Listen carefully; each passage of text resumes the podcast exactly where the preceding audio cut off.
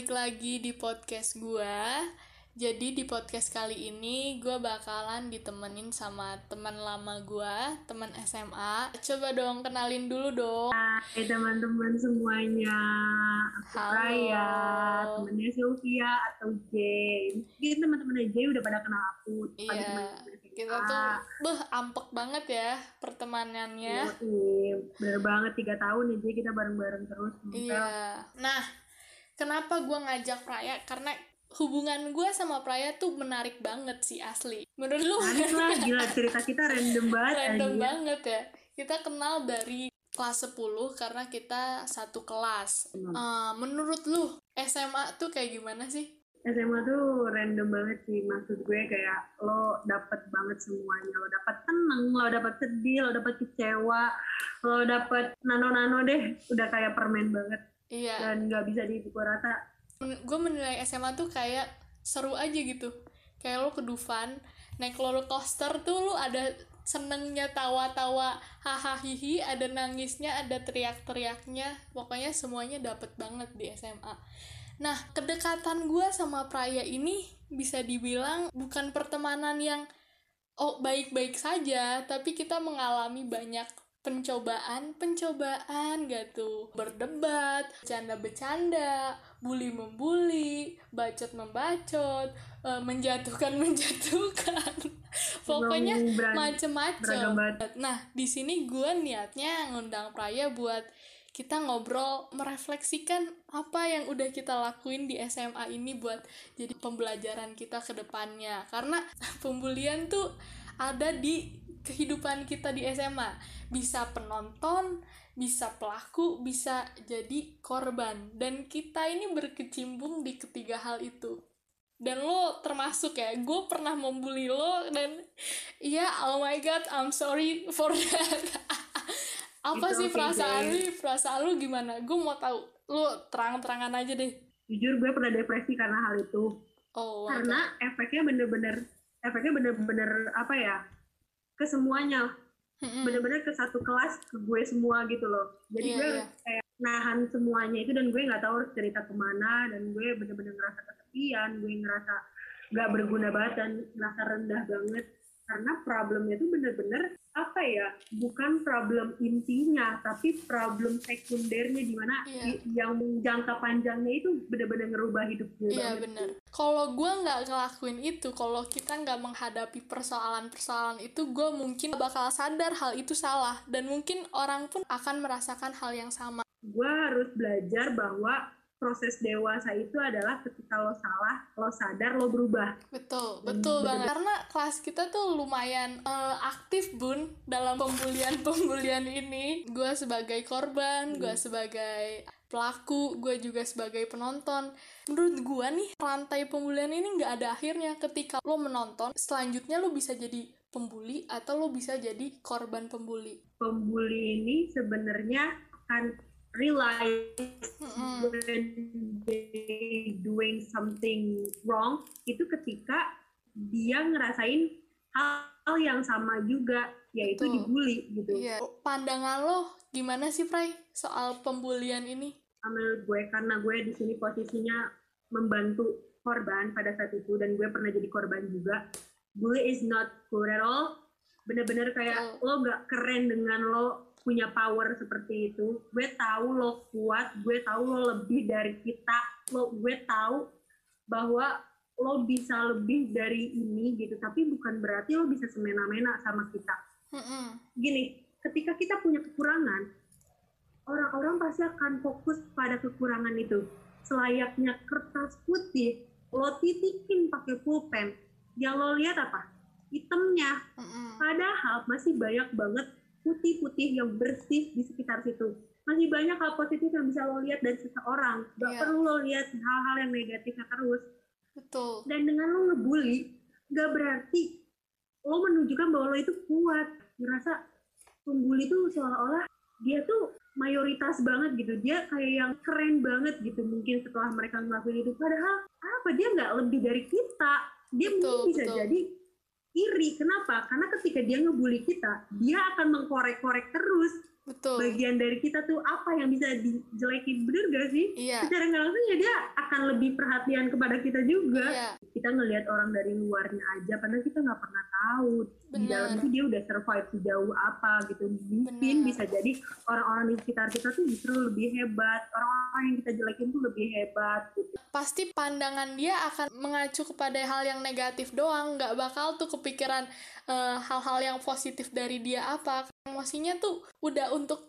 ya membuli untuk menjelekan nah kita lurusin dulu ya jadi di kelas kita membuli membuli ini udah udah sering banget dilakukan karena ada satu orang di kelas kita yang berkebutuhan khusus dia mempunyai emosi yang tidak bisa dikontrol. Jadi ketika orang bersikap yang menurut dia mengganggu dia, dia bakal emosinya naik banget. Apa pun di meja dia atau di hadapan dia tuh bakal bisa dilempar ke orang tersebut.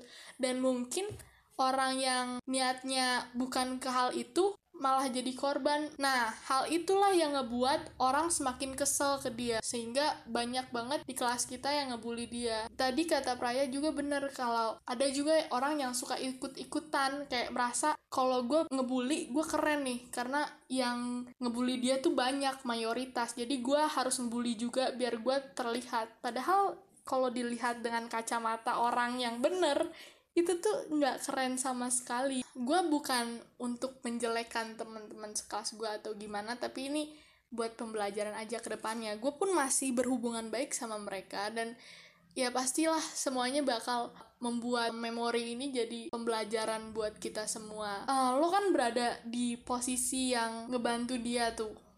Gimana sih, Pray? Apa dampak yang dia rasakan? nah jadi gini karena gue waktu itu sering banget nemenin dia pas dia emang lagi uh, dibully dan emang orang-orang langsung pada manggil gue seolah-olah gue ini adalah pawang dia. Ya gue nggak keberatan sih akan hal itu. Karena gue juga pengen bantu gitu karena gue nggak tega dan dia tuh kalau di UKS atau di ruang guru dia tuh selalu bilang dia takut tapi apa ya lewat body language-nya dia gitu loh. Karena dia nggak bisa berkata-kata ketika dia ngerasa dia lagi terancam nih. Yang gue mirisnya adalah yang awalnya guru-guru pada respect sama dia lama-lama jadi kemakan omongan si pembuli di mana dia nih ngelakuin hal itu karena caper gitu loh. Emang sih gue nggak bisa ngelihat dari sisi korban doang karena tiap orang pasti punya maksud dan tiap orang pasti ada alasan untuk melakukan hal tersebut. Tapi kita balik lagi yang namanya dibully itu nggak keren. Selagi lo bisa berbuat baik ya kenapa lo nggak berbuat baik? Padahal kalau misalnya dia ngerasa aman, dia ngerasa dirangkul, dia ngerasa ditemenin, dan orang-orang ikhlas sama keberadaan dia, dia juga pasti akan diem gitu, nggak akan ngebrontak. Dan gue ngerasa sakit hati banget waktu melihat dia mukul-mukul kepala di depan gue gitu, karena gue tahu itu rasanya gimana, gue tahu sesetres apa. Oh. Serius, Oh gue nggak pernah cerita ini, gue nggak pernah cerita ini ke orang-orang karena gue rasa ini sebuah pri- hal pribadi gitu. Tapi gue Iya, iya. bener-bener ngeliat di situ tuh dia stres karena apa? Satu dia panik, kedua dia ngerasa bersalah, ketiga guru-guru nyalahin dia kenapa dia ngebales Mm-mm. ya yang namanya ABK anak berkebutuhan khusus mana bisa dia punya pikiran gue gak boleh bales dia Iya, iya. ketika dia ngerasa terancam ya dia balas lah dan ibunya pernah bilang kayak gini ke gue e, Praya tolong titip M Iya. kalau misalnya dia lagi marah-marah tolong maafin segala perbuatannya. Karena di rumah dia nggak pernah seperti ini. Dia selalu ngerem diri karena dia ketakutan. Ketakutan Wow. apa? Ketakutan sama apa yang dia rasain di sekolah. Dia nggak pernah cerita ke orang tuanya juga karena setakut itu. Dan gue Iya. ngerasa mencolok banget. Gue tahu rasanya ketika lo punya masalah lo punya problem tapi lo pendem bener-bener sampai kayak busuk dan apalagi dia ber- anak berkebutuhan khusus gitu yang gak kepikiran buat healing atau buat nyari angin gitu dan gue Iya, iya, iya. kebayangannya stresnya gimana Dia tuh manusia, punya rasa sedih, punya rasa sakit hati. Dan bedanya sama kita yang biasa, dia nggak bisa ngungkapin itu dengan baik. Jadi kalau dia mendem sendiri tuh, wah, itu lebih sakit ketika orang biasa dibully. dan fun fact-nya adalah sebenarnya bully itu nggak harus yang berhubungan dengan fisik menurut gue. Bahkan secara verbal gitu pasti lo juga pernah ngerasain ketika kita diledek-ledekin yang bener-bener keterlaluan banget. Dan Iya, gue ngerasain betul. juga ketika gue dipanggil bal yang singkatannya bener-bener frontal dan vulgar banget. Betul. Gue ngerasa malu banget kayak harga diri lo ke mana anjir setelah lo diledekin itu.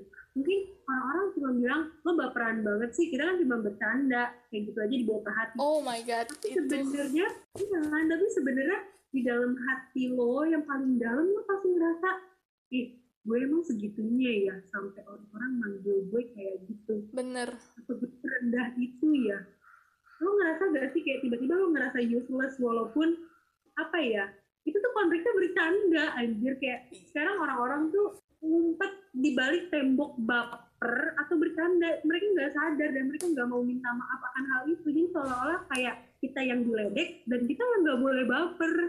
Miris banget. Iya, kayak dianggap itu adalah suatu hal lucuan yang asik. Dia nggak sadar kalau itu tuh menyakiti perasaan seseorang atau gimana. Dan dia nggak sadar ketika hal itu menimpa dia, apakah dia bisa bersikap seelegan mungkin menanggapi itu sebuah lucuan yang asik. Nggak mungkin banget. Kita nggak benci orangnya gitu, tapi kita benci sikapnya sikap ini yang nggak baik banget untuk dilakukan di setiap pergaulan. Keluarga mau pergaulan pertemanan atau apa pun itu ini bukan hal yang patut untuk dilakukan di kehidupan kita deh dengan lo berkelompok itu lo cuma menambah relasi tapi bukan bikin lo jadi kaum mayoritas gitu. Gue tahu kita semua teman dekat kita gue tahu kita semua sefrekuensi kita satu lingkungan yang sama tapi ketika lo ngebully seseorang ketika lo ngehina seseorang dengan kata-kata yang bener-bener vulgar dan yang gak enak didengar nggak bisa kata temen deket tuh lo jadikan alasan dan kata baper lo jadikan tameng. Iya iya iya. Buat ngehina orang lain it not cool at all. Ini bakal ngerusak mental banget. Bully tuh bakal ngerusak mental seseorang. Mungkin dia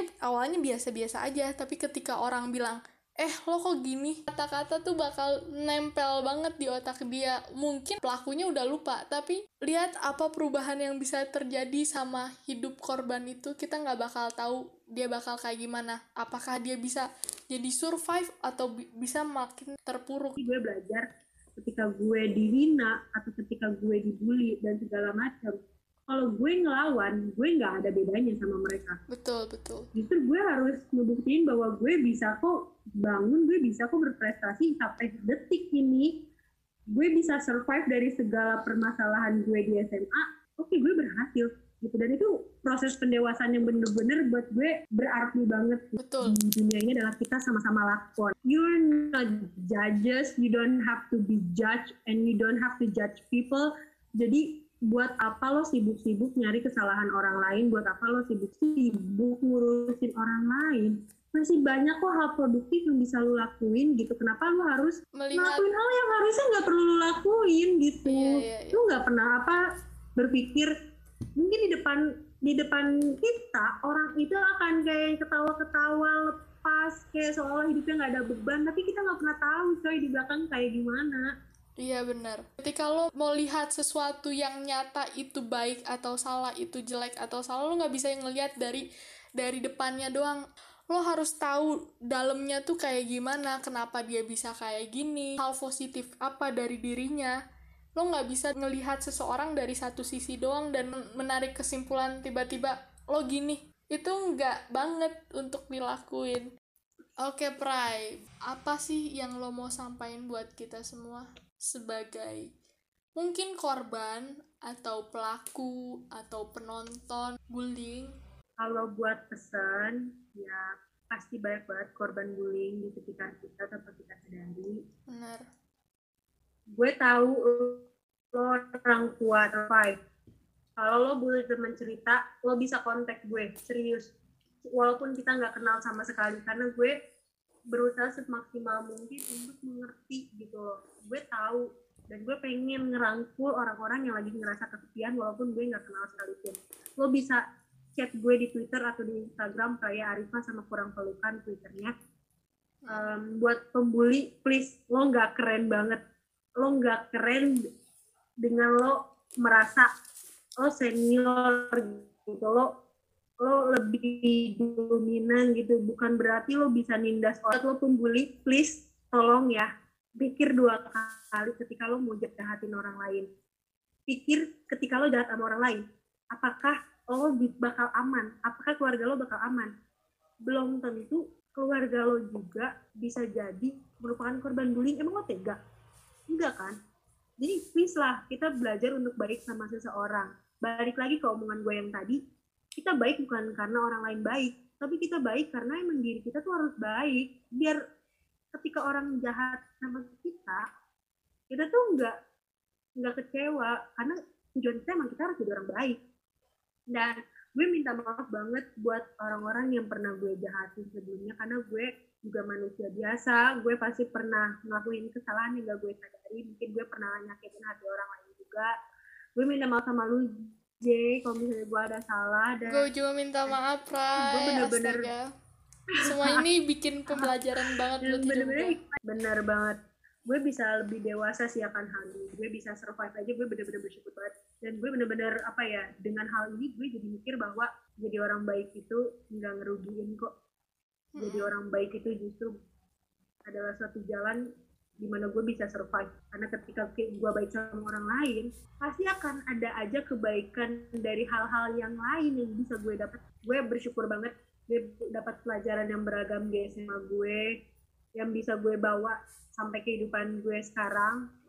Dan sekarang lingkungan gue bener-bener suportif banget sih. Gue bersyukur banget ketemu orang-orang baru juga dan gue tetap bersyukur juga ketemu orang-orang lama ketemu lu ketemu teman-teman yang lain semuanya. Kalau bukan karena kalian gue nggak mungkin jadi Praya Arif Almira sekarang. Iya bagus banget Pray jadi dari gue sih kita semua nggak ada yang sempurna manusia ini nggak ada yang sempurna. Pasti kita punya kekurangan. Jadi ketika lo disakitin sama seseorang mungkin lo jadi korban bullying juga atau tingkah orang bikin lo sakit hati lo nggak usah balas itu dengan menyakiti orang lain tapi lo harus balas itu dengan kebaikan kepada mereka. Karena bullying itu bukan menyelesaikan masalah tapi nambah masalah.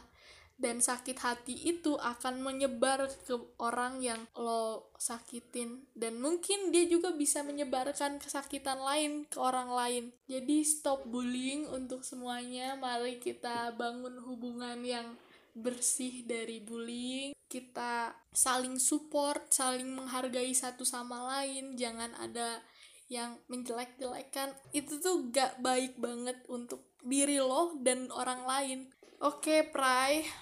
Terima kasih banyak udah join di podcast gue ini podcast ya, yang seru banget juga. sih. Dannya banyak banget yang bisa kita ambil. Thank you guys sudah dengerin podcast gue thank you Praya makasih juga ya Jay makasih semua. Makasih ya udah dengerin podcast ini dari awal sampai akhir. Mohon maaf kalau ada salah-salah kata. Semoga podcast ini bermanfaat untuk kamu dan sebarin ke teman-teman kamu juga biar mereka tahu kalau bullying itu nggak baik guys. Yuk ciptain sama-sama lingkungan yang bebas dari bullying. Saya Sylvia sampai jumpa di podcast selanjutnya